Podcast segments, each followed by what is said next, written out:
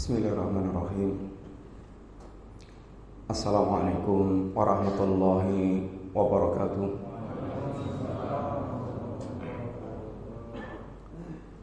Innalhamdulillah.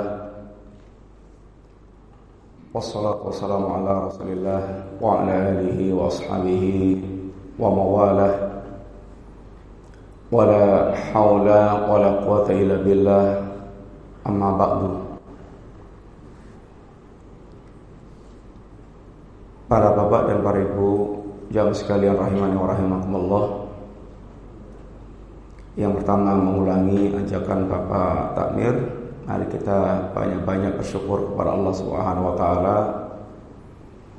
Hari ini kita masih diberikan umur panjang, kesempatan untuk lebih bisa memperbanyak amal-amal kita sekaligus mengoreksi, memperbaiki dan bagaimana bisa menghapuskan keburukan-keburukan kita. Ini semuanya berkaitan dengan nikmat waktu ketika kita masih diberikan umur panjang oleh Allah. Mestinya itulah yang kita lakukan. Bagaimana bisa memperbanyak amal kita dan bagaimana kita bisa berusaha untuk selalu memperbaiki apa yang masih keliru dan menghapuskan apa yang salah dalam perjalanan kita menghadap Allah Subhanahu wa taala.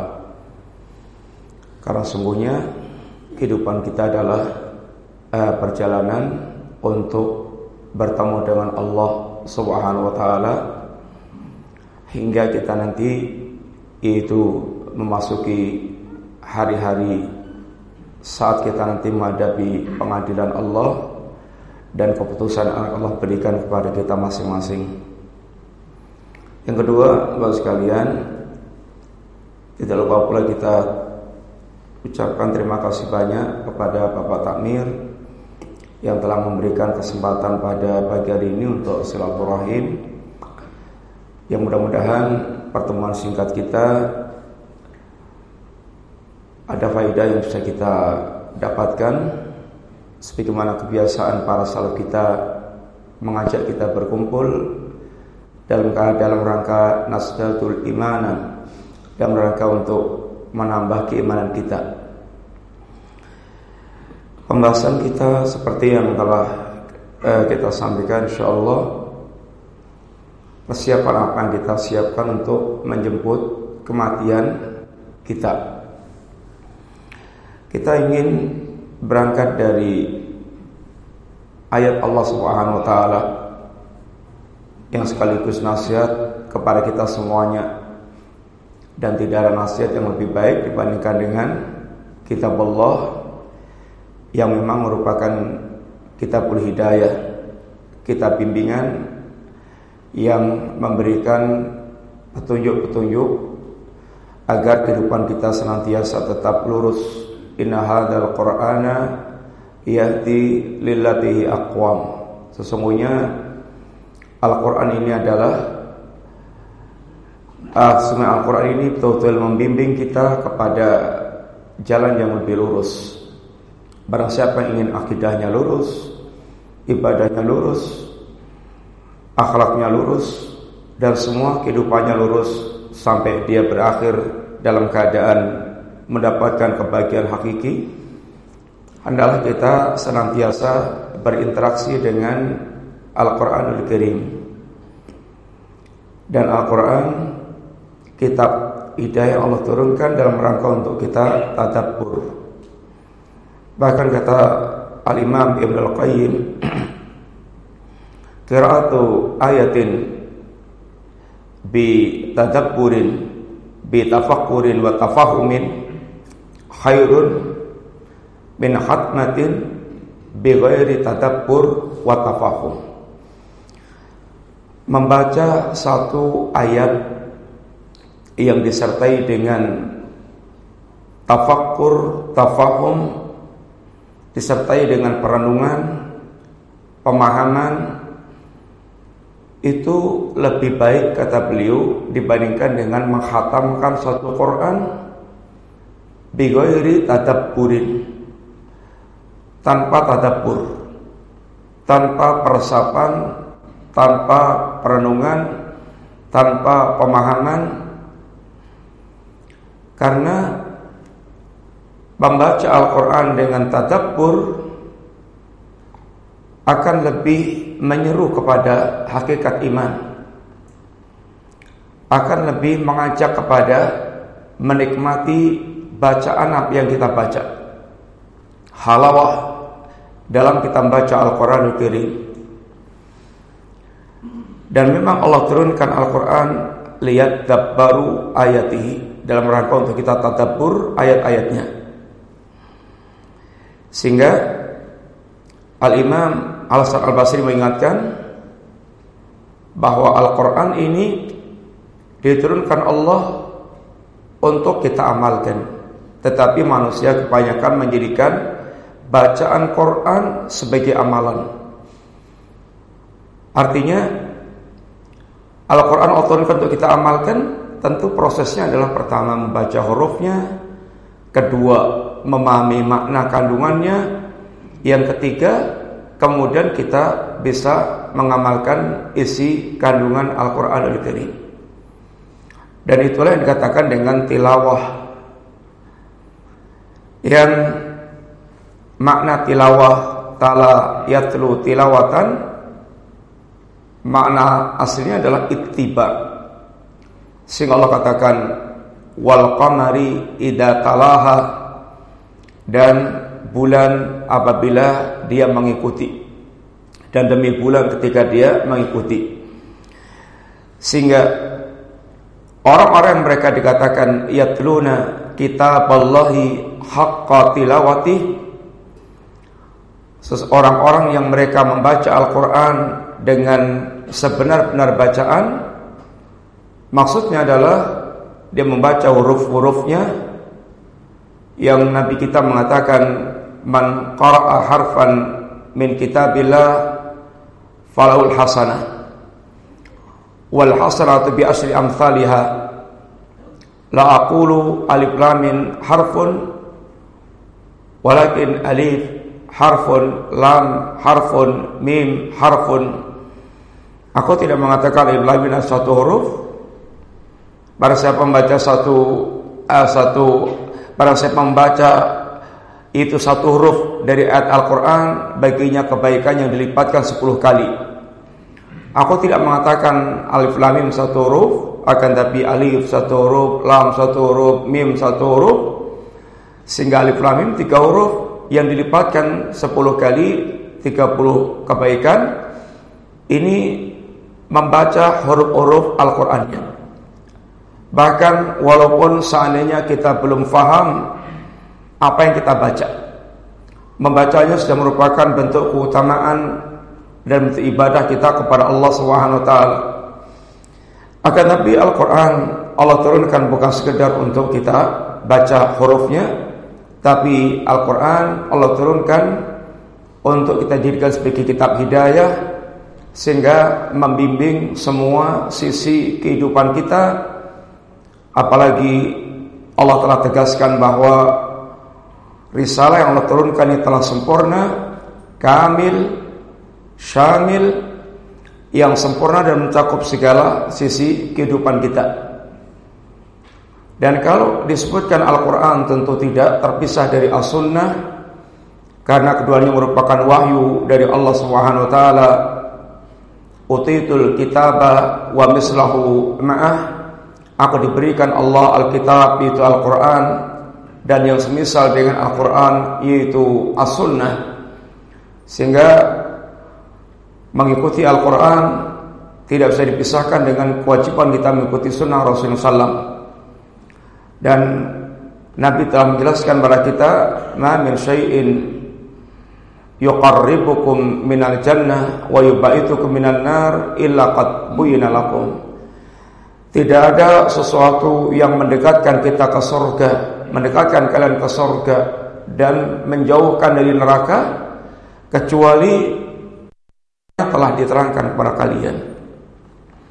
Satu di antara ayat yang ingin kita mengambil faedah bagi sekalian adalah ayat yang ada di dalam surat Al-Anbiya ayat yang ke-35 yang Allah Subhanahu wa taala berfirman kullu nafsin dha'iqatul maut wa nabluukum bisyarri wal khairi fitnah wa ilaina turja'un.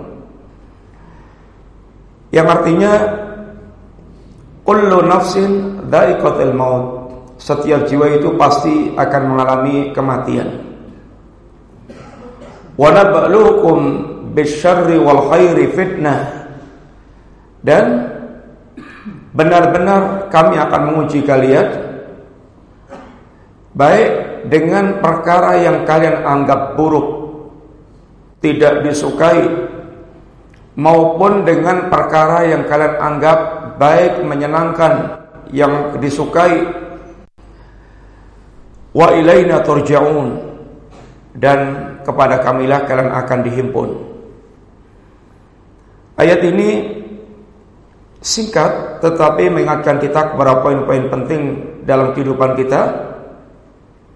Yang pertama, Allah ingatkan bahwa panjangnya seperti apa pun umur yang akan kita miliki. Maka kita akan dibatasi dengan al-maut, kematian. Dan kematian tidak mengenal orang yang baik, orang yang buruk, orang yang kaya, orang yang miskin. Semua akan mengalami kematian. Yang menjadi masalah adalah bukan soal kita mati. Tetapi kematian itu pintu gerbang untuk masuk kepada kehidupan hakiki, jadi kampung akhirat.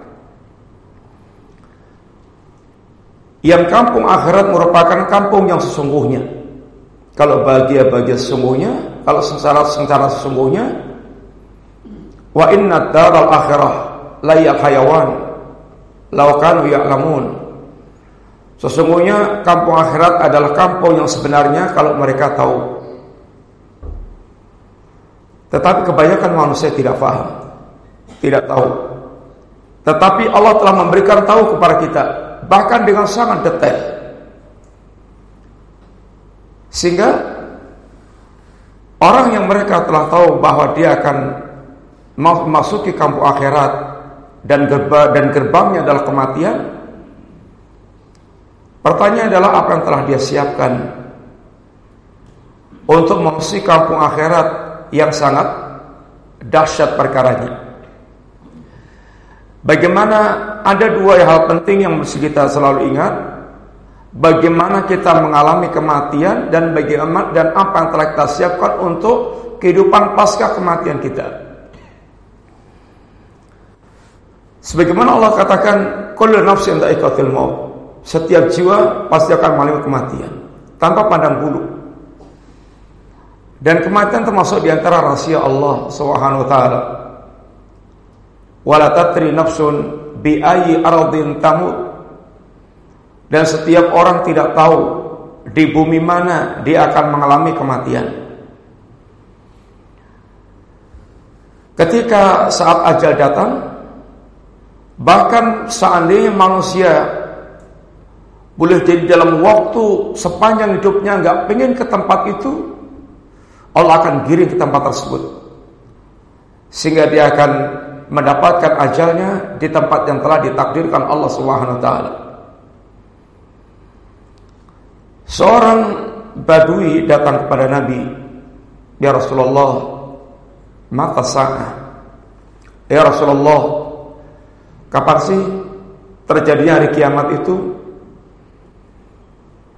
Rasulullah tentu tidak akan menjawab, tidak tidak bisa menjawab dan tidak menjawab kapan terjadi hari kiamat. Karena kiamat merupakan bagian rahasia ilmu Allah yang tidak akan Allah beritahukan kepada siapa pun, bahkan malaikat Jibril pun tidak mengetahui. Yas'alunaka 'anis sa'ah Manusia bertanya kepada tentang saya tentang as-sa'ah ya Rasulullah. Qul innama ilmuha indallah. Katakanlah ilmu tentang as itu di sisi Allah SWT. Beliau pun nggak tahu. Sehingga ketika Jibril bertanya kepada beliau, "Ya Muhammad, akhbirni anisa'ah." Ya Muhammad, khabarkan kepadaku tentang as-sa'ah. Kata Nabi, "Mal mas'ulu anha bi'a'lama min as-sa'il." Yang ditanya tidak lebih tahu dari yang bertanya. Artinya saya dan Anda sama-sama nggak tahu. Karena memang as-sa'ah rahasianya ada pada Allah Subhanahu taala. Ada as-sa'atul kubra, ada as-sa'atul sughra. As-sa'atul kubra ya kiamat yang Allah tegakkan secara totalitas, hancurnya dunia dan seisinya. Al-qiyamatus sughra al-maut. Sehingga dikatakan man mata qad qamat. Barang siapa yang mengalami kematian maka telah tegak kiamatnya. Ini al-qiyamatus sughra.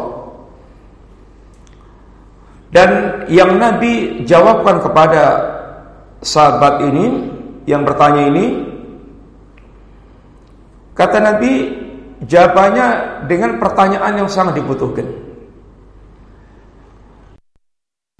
Akdab talisa'ah Apa yang telah anda siapkan untuk menghadapi asa'ah Yang jelas Kita tahu kapan Atau kita tidak tahu Kapan terjadi kiamat Kiamat terjadi Wa inna sa'ata la'atiyatun la raiba fiha Kiamat itu pasti terjadi tidak ada keraguan lagi. Dan kiamat itu kata Nabi abha wa amar. Dahsyat perkaranya. Sangat dahsyat perkaranya. Sehingga Allah Subhanahu wa taala mengingatkan dengan sebuah ayat di antaranya ya ayuhan nasu taqu rabbakum inna zalzalatas saati syai'un 'adzim. Yauma tarawnaha tathalu kullu murdi'atin amma arba'at wa tadau kullu dhati hamlin hamlaha wa taran nasa sukara wa ma hum bisukara walakinna adzaballahi syadid Wahai manusia bertakwalah kalian kepada Rabbmu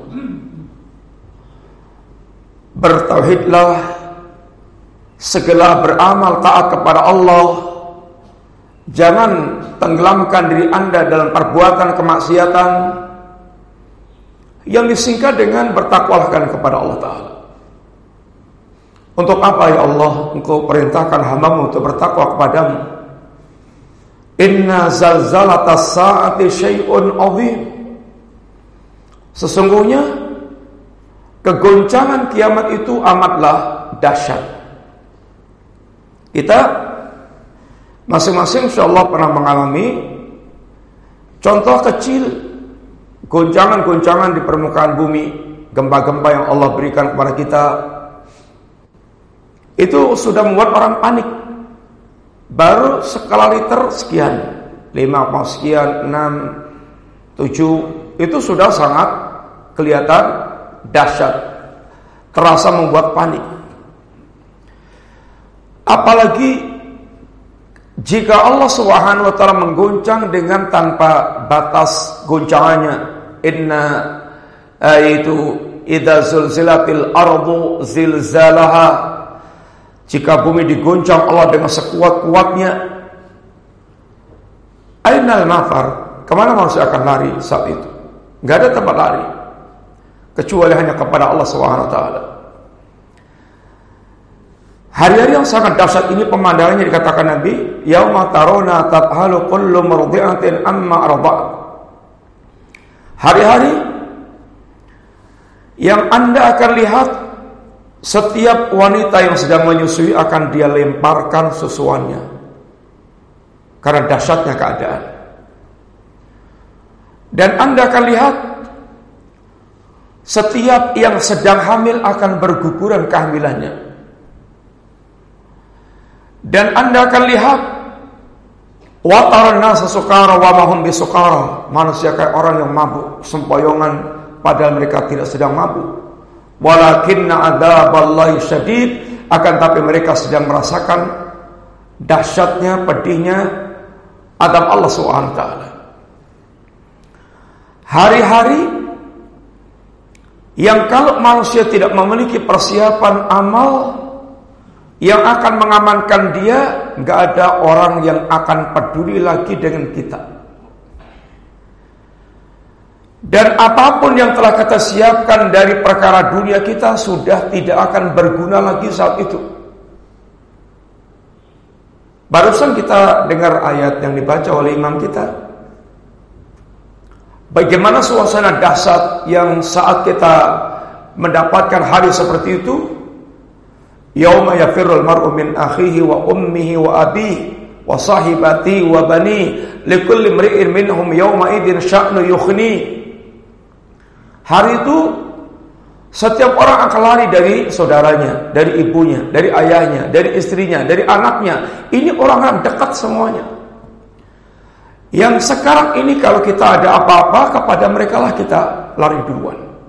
Orang tua kita, bapak ibu kita, saudara kita, istri, anak. Tetapi akan ada hari saat itu semua orang yang bahkan yang sangat dekat dengan kita pun gak mau peduli. Sama sekali gak mau peduli. Karena masing-masing sedang sibuk dengan urusannya sendiri-sendiri. Kita bisa membayangkan sedikit banyak tentang hal itu sekalian.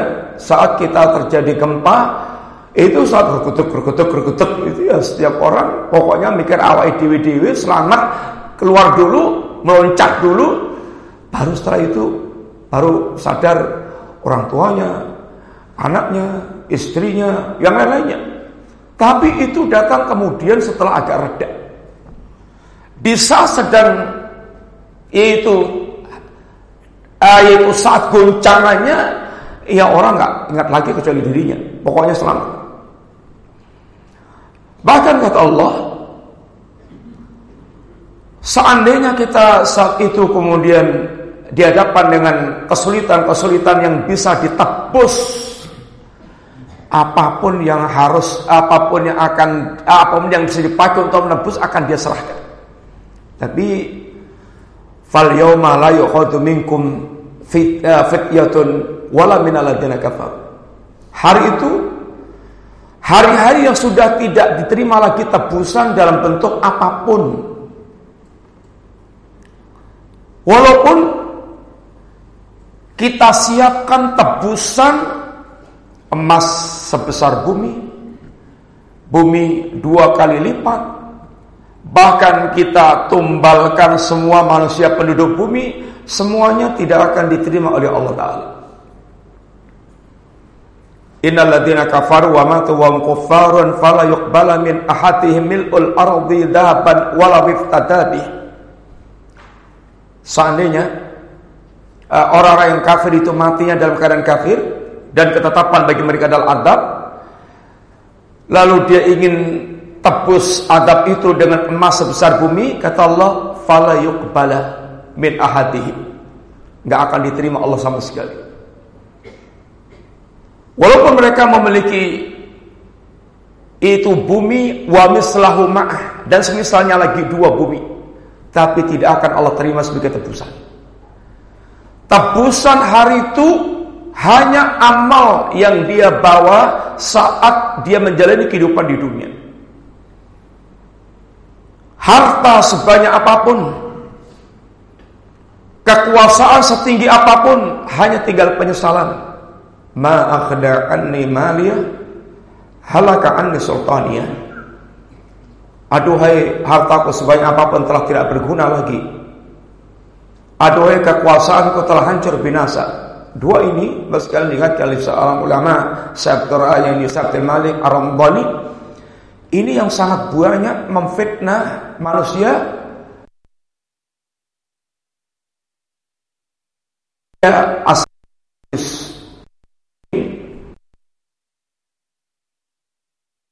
fitnah al-mal. Yang menghancurkan mereka.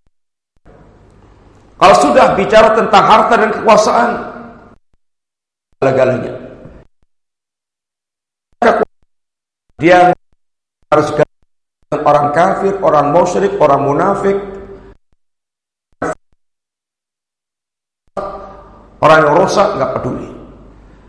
Sehingga telah maftun dengan almal, dengan harta dan kekuasaan. Demikian pula siapa pun telah tidak berguna lagi bagi kita. Bahkan kalau bisa Orang-orang yang dulu kita siap berkorban untuk mereka, anak kita, istri kita, dan yang dan yang lain-lainnya, itu kalau bisa kita jadikan tumbal untuk bisa menyelamatkan kesulitan kita dari itu.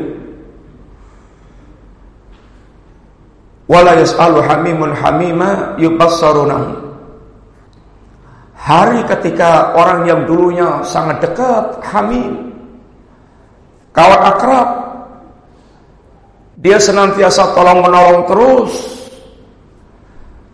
Di hari dia menghadapi kesulitan saat itu bertanya pun enggak. Bertanya pun enggak.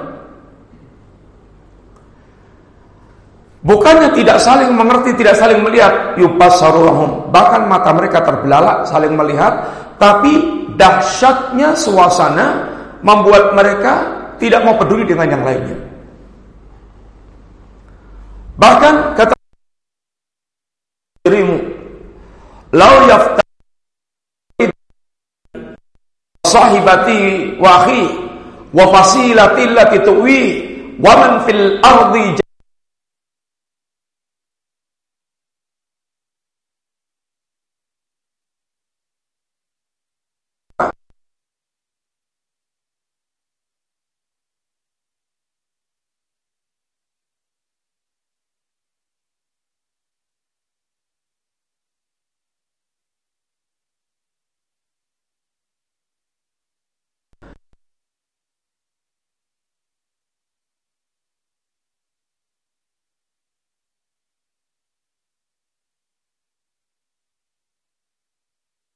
Dan jujur, di dunia ini tidak ada orang yang jalinan rasa kasih sayangnya, cinta orang tua kepada anak. Kalau untuk anak, orang khusus korban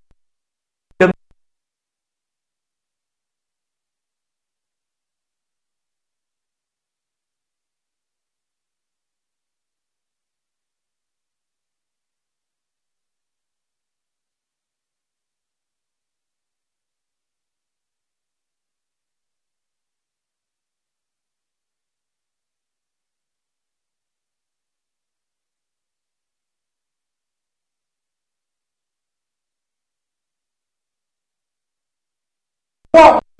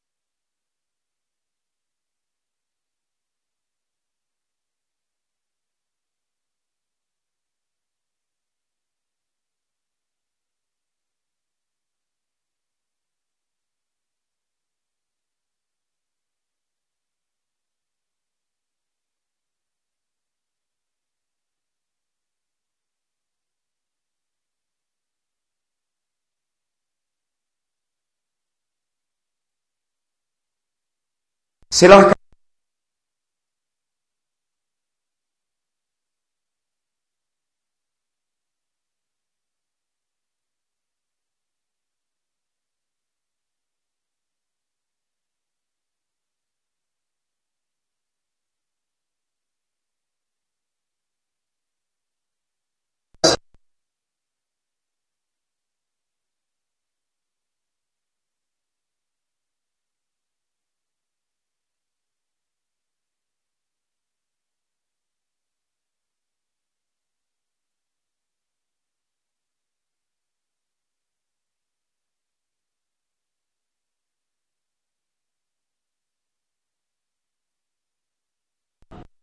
Karena akan Allah anggap. Kata Nabi, ahbabta. Kalau begitu, akan bersama dengan orang Anas yang ini apa kata ma farina ba'dal islami asyaddu min sallam anta ma'aman ahbabta. Tidak ada kegembiraan yang aku rasakan lebih besar semenjak aku masuk Islam. Kata Nabi anta ma'a man ahbabta. Engkau akan bersama dengan orang yang engkau cintai kata Anas Rasulullah Mar. Arju an akuna. Malu. Allah. Aku mencintai Rasulullah. Aku Abu Bakar dan Umar. Dan Walaupun aku tidak mungkin bisa beramal Sebanyak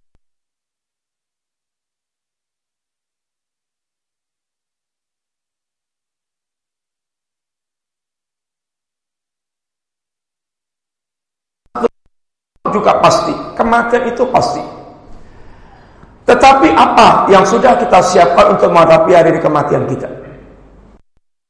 Ibrahim bin Adham ketika ditanya oleh seorang ya Syekh kita ini udah lama udah banyak berdoa tapi belum dikabulkan Allah SWT katanya oh karena 10 hal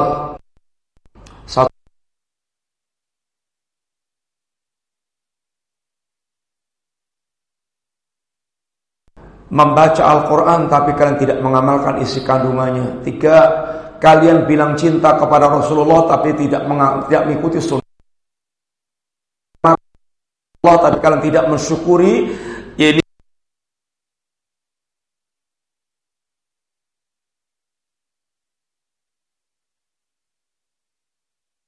dan lupa dengan aib sendiri. Akan setan itu mengubahkan setan tujuh itu siapkan untuk hari kematian. Delapan anda bilang surga itu.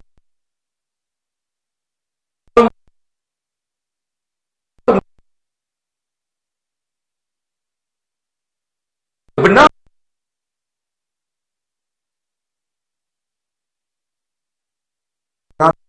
Dalam hal pengukuran mayit itu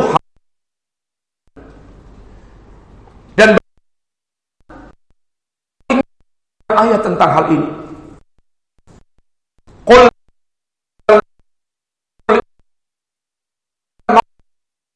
Minhu fa innahu. Kata kamu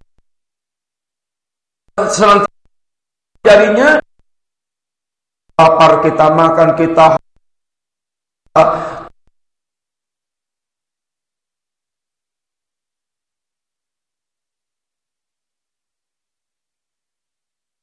bagi kematian kasih kalian dengannya pasti kalian. Ayo mau kalian ada kalian walau urujim anda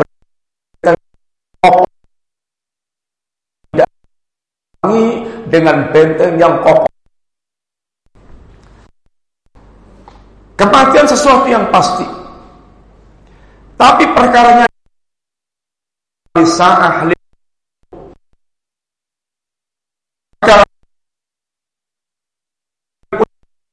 seorang ayul mu'as seperti apa sih? Kata Nabi, Zikra Mukmin itu orang wa dan orang yang paling bagus siapanya untuk ada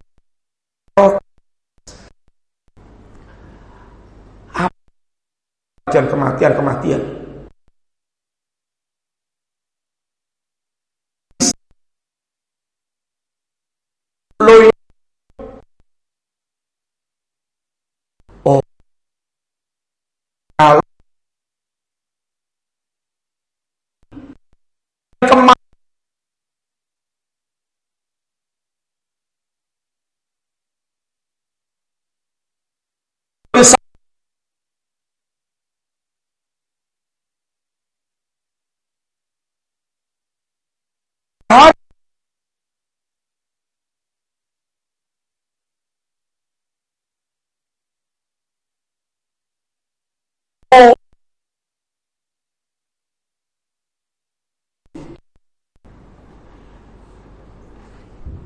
Dan akan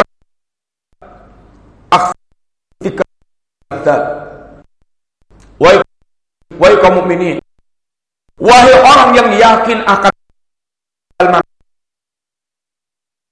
oleh kematian. Bukan sekali-kali, perbanyaklah. Kalau perlu hadirkan setiap Nabi setiap di antaranya salat kata Nabi, salata mewati. Salatlah Anda seperti salatnya orang yang mau mati, orang yang mau berpisah. Pasti salat kecuali tinggal itu akan dia persembahkan yang terbaik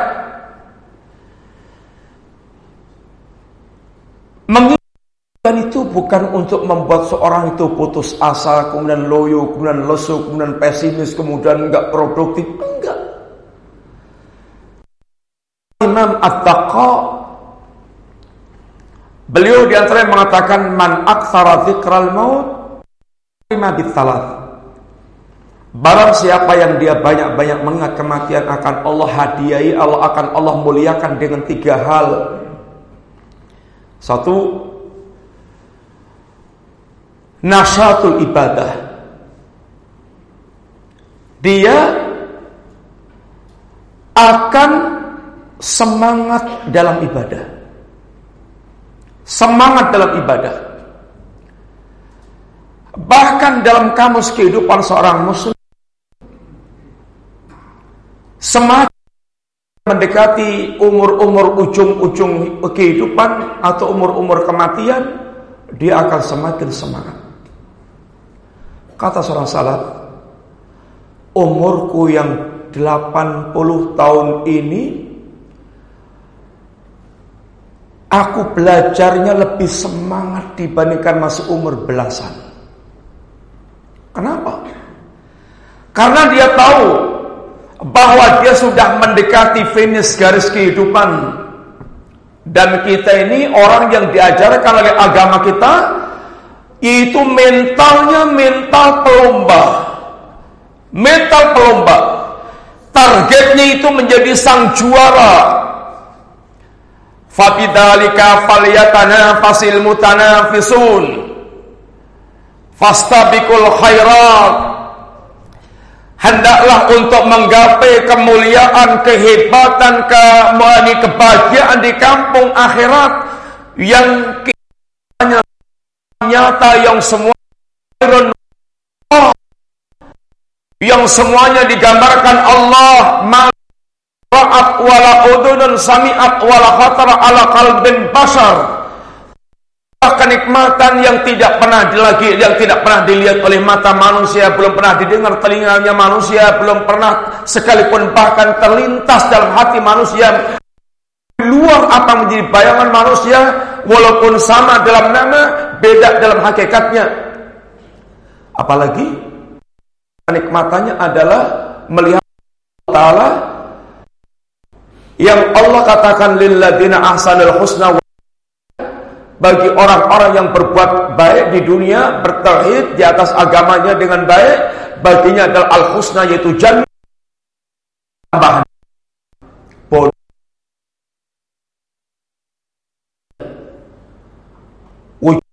idin now now hari. Wajib.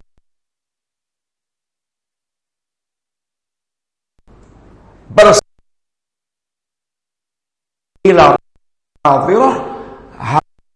mereka melihat wajah Allah SWT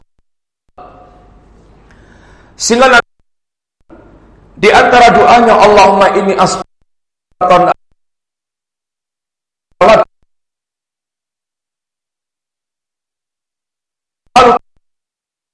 nazar ila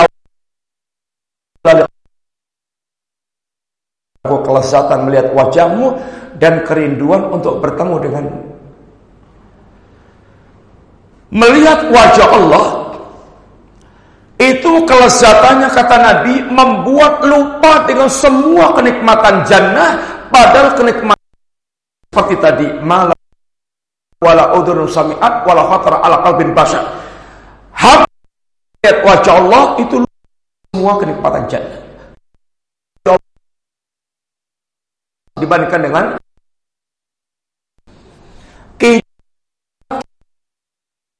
hati. Apa bayarkan kau bisa itu tanpa mati muda nikmat tanpa itu ada di dunia sekarang ini, baru sekalian, ada di jannah. Yang ketika seorang hamba telah menempati jannah akan datang penyeru ya ahlal jannah anna lakum antasya antasihu wala tasqamu abadan anna lakum antahyaw wala tamutu abadan anna lakum antasibbu wala tahramu abadan anna lakum antan'amu wala tabasu abadan. Wahai hamba Allah sekarang anda sehat dan tidak pernah sakit lagi sekarang Anda hidup tidak pernah Anda mati lagi. Sekarang Anda muda dan tidak pernah akan pernah tua lagi. Sekarang Anda nikmat dan tidak akan pernah sengsara lagi. Di dunia ini kenikmatannya itu ter dengan kes, kes yang bayangi dengan terbayangi dengan mudah kita terbayang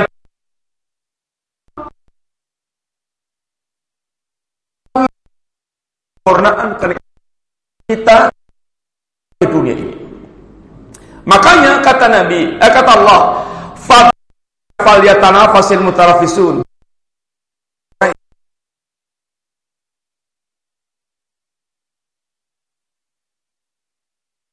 Kita diajarkan sebagai orang yang bermental juara. Mental juara. Muttaq. Ya Allah jadikan aku imamnya orang bertakwa. Bukan sekedar bertakwa biasa. Imamnya orang yang terdepan dalam ketakwaan kepada Allah Ta'ala. Orang yang banyak mengat kematian itu akan membuat semangat dalam beribadah. Karena kesempatan beramal. Sedangkan amal ini bekal satu-satunya yang manfaat untuk kita menghadap Allah Subhanahu taala. Hari itu kata Allah, "Yauma la yanfa'u malun wala banuna illa man atallaha biqalbin salim." Hari-hari yang tidak bermanfaat lagi harta sebanyak apa pun, anak sehebat apa pun, kecuali orang datang kepada Allah dengan hati yang salim, hati yang selamat, selamat dari syirik, selamat dari kufur, selamat dari selamat dari segala kedurakaan kepada Allah Subhanahu hati qalbun taqiyun yang menggerakkan seorang hamba untuk kemudian dia beramal mendekat kepada Allah Subhanahu itu yang akan bermanfaat. Adapun apa yang dikumpulkan di perkara dunia yang memeras habis kehidupannya, yang saat kehidupannya itu sudah tidak bermanfaat lagi. Tinggal panjang dia. Kalau dia datang kalau tanpa amal. Orang yang mengingat kematian dia arahnya ke situ. Dia tahu kematian ini kalau dia datang akan memutus, merenggut dan memutus semua kesempatan beramal. Sehingga tidak ada permintaan orang yang mereka kecuali hanya satu. Hatta idza jaa ahadahumul maut qala rabbirji'un la'alli a'malu salihan fima. Kalla inna inna innaha kalimatun huwa qailuha wa min waraihim barzakhun ila yaumi yub'atsun hingga apabila salah seorang di antara mereka telah kedatangan al-maut apa yang dia katakan? Ya Rabb umur kehidupan. Kembalikan umur kehidupan ya orang dia pengen hidup lagi punya umur lagi. La'alli salihan fima yang aku dulu tidak aku lakukan.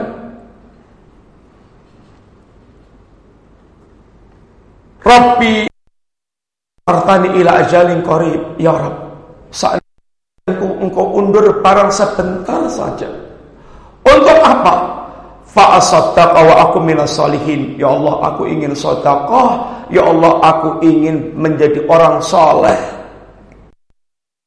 Tapi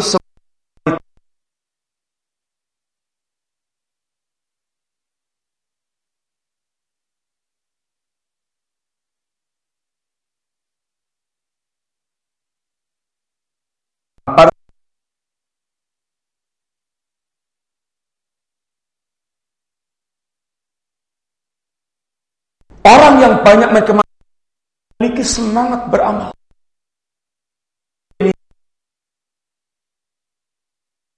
lesu, mau ke pengajian lesu, mau baca Quran lesu, mau berzikir lesu, lungkrah.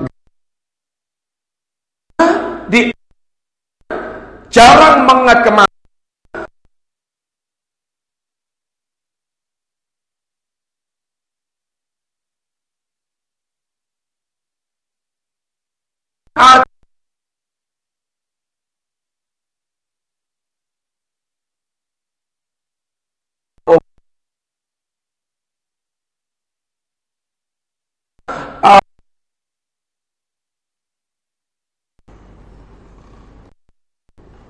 Hari-hari yang mestinya menghadap Allah. Ibrahim bin Adham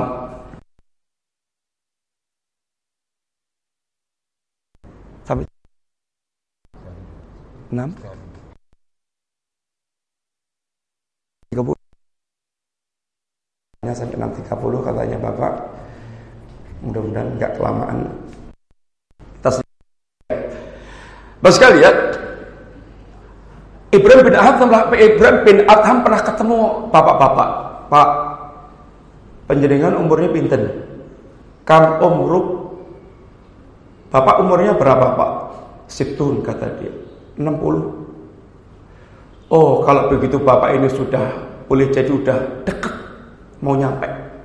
Inna lillahi wa inna ilaihi. Pak, tahu nggak Pak, apa mak maksudnya inna lillahi wa inna ilaihi itu? Apa?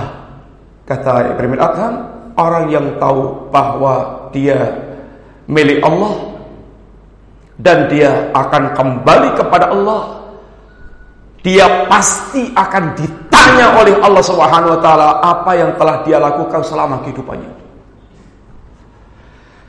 Dan orang yang tahu dia akan ditanya oleh Allah, pasti dia akan persiapan apa yang akan dia jawabkan di hadapan Allah.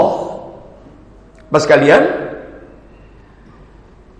maka banyak mengat kematian itu akan mendorong seorang produktif, bukan tambah lemes, bukan loyo, tidak produktif, maka dia akan semakin betul-betul yaitu memadatkan waktunya dengan amal-amal soleh.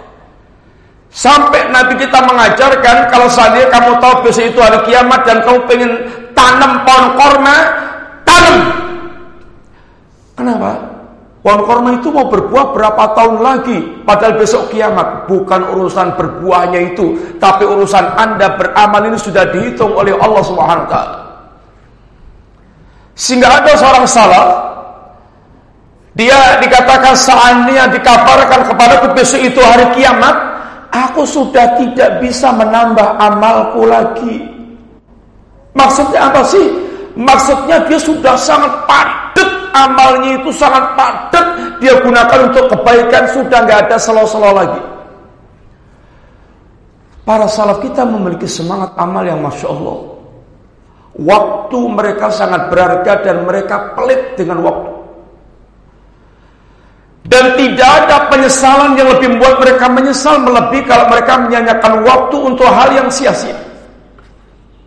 Kata Ibn Mas'ud, Mana dimtu ala syai' kanada mi ala yomin gharabati syamsu naqasa fihi ajali wala fihi amali tidak ada penyesalan yang aku rasakan melebihi penyesalanku Ketika hari itu matahari tenggelam, berarti satu hari, sedangkan berarti umurku berkurang, sedangkan saat itu amalku tidak bertambah. Oh, itu sang paling disesali. Sehingga kata Ibnu Qayyim,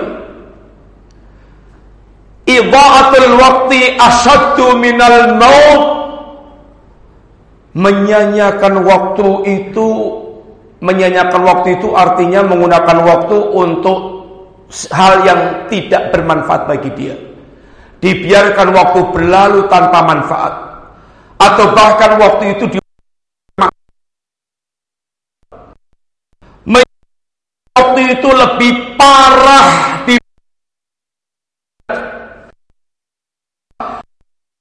idha'atal waqti taqta'uka anillahi wa anil akhirah.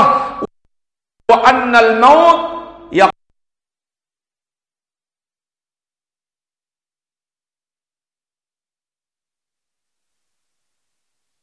waktu ini orang yang kehilangan kesempatan kampung akhirat yaitu jannah, maka semua yang di tangan dia di perkara dunia tidak akan tapi orang yang mereka kedatangan al-maut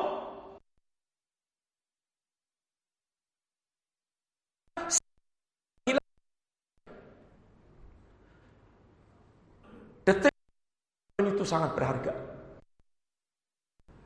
Apa kata Nabi kita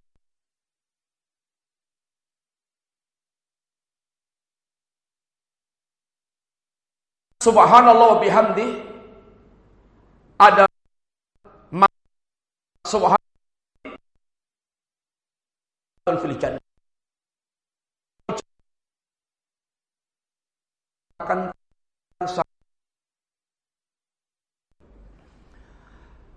satu berapa kali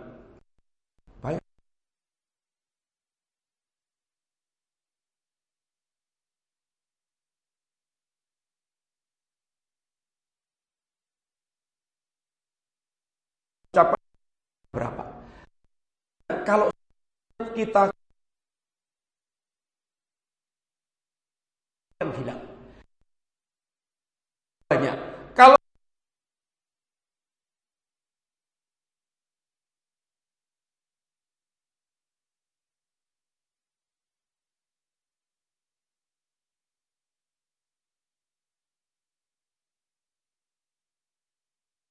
itu cepatnya dia bertobat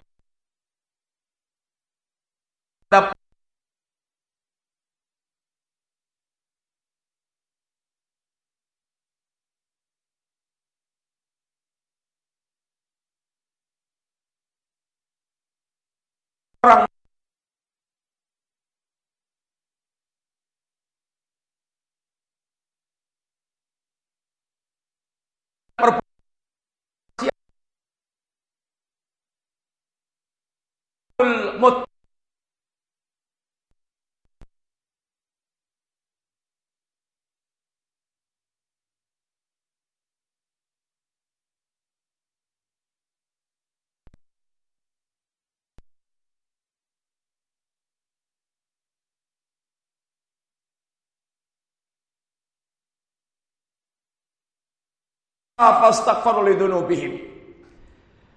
Allah katakan bersegeralah menggapai ampunan Allah dan mengejar surga yang luasnya seluas langit dan bumi yang Allah sediakan untuk orang yang bertakwa. Siapa yang mereka yang bertakwa? Orang yang mereka senantiasa infak baik dalam keadaan ini lapang maupun sempit. Orang yang mereka pandai untuk menahan marah, orang yang memaafkan manusia, orang yang berbuat baik. Dan di antaranya orang-orang yang mereka ketika terjatuh dalam perbuatan fakisah atau mendolim diri sendiri, mereka imannya menyentak hatinya, segera dia ingat kepada Allah dan kemudian mereka beristighfar bertaubat kepada Allah SWT. Allah sangat suka hamba yang bertaubat. Anak Adam itu wataknya kata Nabi, kullu bani Adam khata. Anak Adam itu banyak melakukan kesalahan. Tapi Wahadul khata'in atawabun. Sebaik-baik orang yang salah, orang yang bertaubat. Allah sangat gembira. Lallahu afrah. Benar-benar Allah itu afrah. Lebih bergembira. Dibandingkan dengan orang yang eh, dalam menerima taubatnya hamba. Dibandingkan dengan orang yang mereka sedang safar bepergian. Yang semua perbekalan itu ada di atas kendaraannya. Lalu dia pengen istirahat di sebuah pohon. Saat dia berteduh, Tahu-tahu kemudian kendaraannya hilang, dicari-cari sampai putus asa nggak ketemu. Lalu dia kembali ke tempat semula, kemudian dia tinggal berharap kematian, tinggal menunggu kematian. Tahu-tahu begitu dia melek motor, kendaraan ada di sampingnya, selengkap dengan semua perbekalannya, Alangkah sangat gembiranya, saking gembiranya dia pun kemudian sampai kualik-kualik mengucapkan kalimat Allahumma anta abdi wa anna rabbuk. Ya Allah engkau adalah hambaku dan aku adalah Rabbmu. Kalimat yang terbalik. Saking gembiranya. Allah lebih gembira dibandingkan yang ini. Allah lebih gembira dibandingkan dengan orang seperti ini. Dalam menerima taubatnya hamba. Maka Allah dengan kelembutan Allah, Allah menyuruh setiap kita bertobat kepada Allah Ta'ala. Qul ya ibadiyalladzina asrafu ala anfusihim. La taqnatu min rahmatillah. Innallaha yaghfiru dzunuba jami'an. Wahai hambaku yang melampaui batas, yang tenggelam dalam syirik, dalam kufur, dalam zina, maksiat apa pun, walaupun sampai dosanya itu sampai sundul langit sekalipun, bertobatlah kan kepadaku. La taqnatu rahmatillah, jangan pernah putus asa di rahmat Allah Subhanahu wa taala. Ya ibnu Adam, law balaghat dhunubuka anana as-sama' thumma astaghfartani la ghafartu lak wa la ubali. Wahai anak Adam, seandainya dosa Anda itu sampai menyentuh langit, lalu Anda beristighfar bertobat kepadaku, akan aku ampunkan dan aku tidak peduli tentang dosa Anda. Maka Allah mengajak siapa pun dari kalangan para hamba ini untuk selalu kembali kepada Allah sebelum terlambat. Wahai orang-orang Nasrani yang Allah katakan laqad kafara alladziina qalu inna Allah thalithu thalathah. Laqad kafara alladziina qalu inna Allah huwa Isa bin Maryam. Allah kafirkan akidah mereka yang mengatakan Allah satu di antara yang tiga, Allah dan Isa bin Maryam. Allah tawarkan apa? Afala yatubuna ilallah wa yastaghfiruna Kenapa? Apakah mereka nggak ingin bertobat kepada Allah dan minta ampun kepada Allah?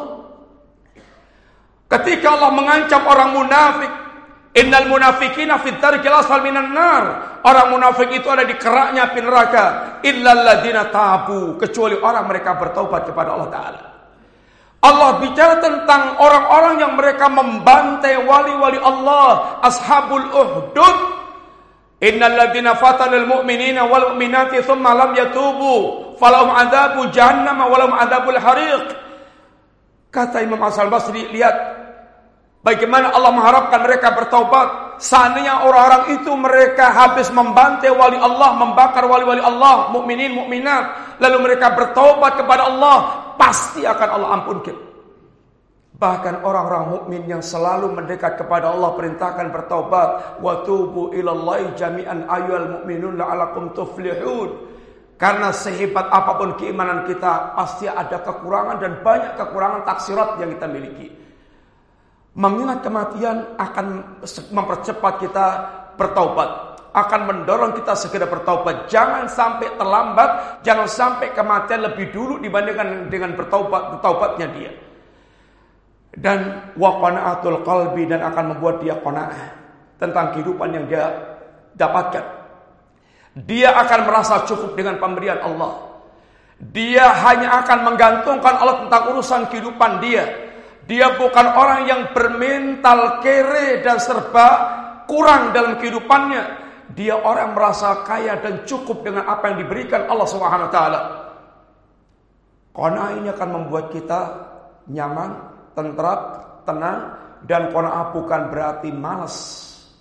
Qanaah bukan berarti malas. Kalau malas ada pembahasannya sendiri.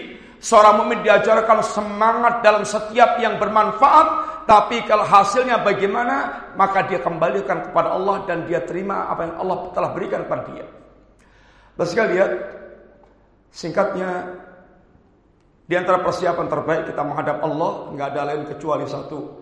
Hendaklah kita betul mempersiapkan tauhid kita, memperbagus, memurnikan tauhid kita. Karena ini modal pokok kita untuk menghadap Allah. Seandainya dalam tauhid ada, seandainya dengan tauhid kita ada kekurangan-kekurangan sana sini dalam kita mentaati Allah, Allah berikan jaminan jaminan ampunan bagi orang yang mereka datang kepada Allah tanpa menyekutukan Allah Subhanahu wa taala. Ya ibna Adam, lau ataitani bi qurabil ardi khataya thumma laqitani la tusriku bi syai'an la ataituka bi qurabil maghfirah. Wahai anak Adam, seandainya Anda datang padaku dengan dosa sebesar bumi dan Anda datang kepadaku tanpa menyekutukanku sama sekali, maka akan aku datangkan ampunan sebesar dosa yang Anda bawa maka tidak ada kegiatan yang lebih dia serius untuk memperhatikan, membersihkan, memurnikan, melebihi perhatian kepada tauhid ini. Modal utama, modal pokok untuk menyelamatkan diri kita, walaupun ada kekurangan di sana sini tentang amalan kita. Yang kedua, memperbanyak amal saleh untuk meningkatkan grade derajat kita di jannah. Karena jaza ambi makan ya'malun. Allah akan membalas sesuai dengan kadar amal yang telah kita lakukan. Adkhalallahu jannata ala makana minal amali. Allah akan masukkan orang ke jannah sesuai dengan kadar amalan dia kita. Amalan kita bukan harga jannah, tapi amalan kita sebab yang menjadikan kita masuk jannah. Adapun kita masuk jannah semata-mata dengan rahmat dan karunia Allah SWT. Artinya amal kita nggak seberapa harganya, tapi Allah jadikan amal ini menjadi sebab kita untuk mendapatkan jannah. Kulu washrabu hani ambima aslabtum fil ayamil khaliyah.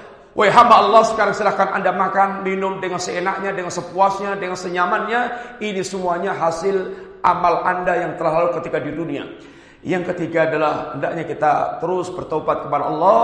Mudah-mudahan dengan tobat kita kita datang kepada Allah dalam keadaan bersih tanpa cacat lagi. At-taib kamala dan banlah orang yang bertobat itu seperti orang yang tidak punya dosa sama sekali. Ah, terima kasih banyak Bapak sekalian waktu kita sangat terbatas dan sudah habis. Mudah-mudahan manfaat yang singkat ini. Dan kita hanya bisa berharap kepada Allah Subhanahu taala semoga Allah senantiasa membuat diri kita memberikan taufiknya kepada kita untuk selalu perhatian dengan agama, untuk senantiasa kita bisa istiqamah di atas agama sampai kita ketemu Allah dalam keadaan husnul khatimah dan dipanggil Allah dengan panggilan indah. Ya ayatu ya ayatuhan nafsul mutmainnah ارجعي إلى ربك راضية مرضية فادخلي في بالي وادخلي جنتي. اللهم أصلح لنا ديننا الذي هو عصمة أمرنا. اللهم أصلح لنا دنيانا التي فيها معاشنا. اللهم أصلح لنا آخرتنا التي فيها معادنا. واجعل الحياة زيارة لنا من كل خير. واجعل الموت راحة لنا من كل شر. وصلى الله على نبينا محمد وعلى آله وصحبه وسلم. سبحانك اللهم وبحمدك. أشهد أن لا la la ilaha illa anta astaghfiruka wa atubu ilaik. Jazakumullah khair para semuanya, para bapak bu sekalian, para bapak takmir dan maaf atas segala kekurangannya. Assalamualaikum warahmatullahi wabarakatuh.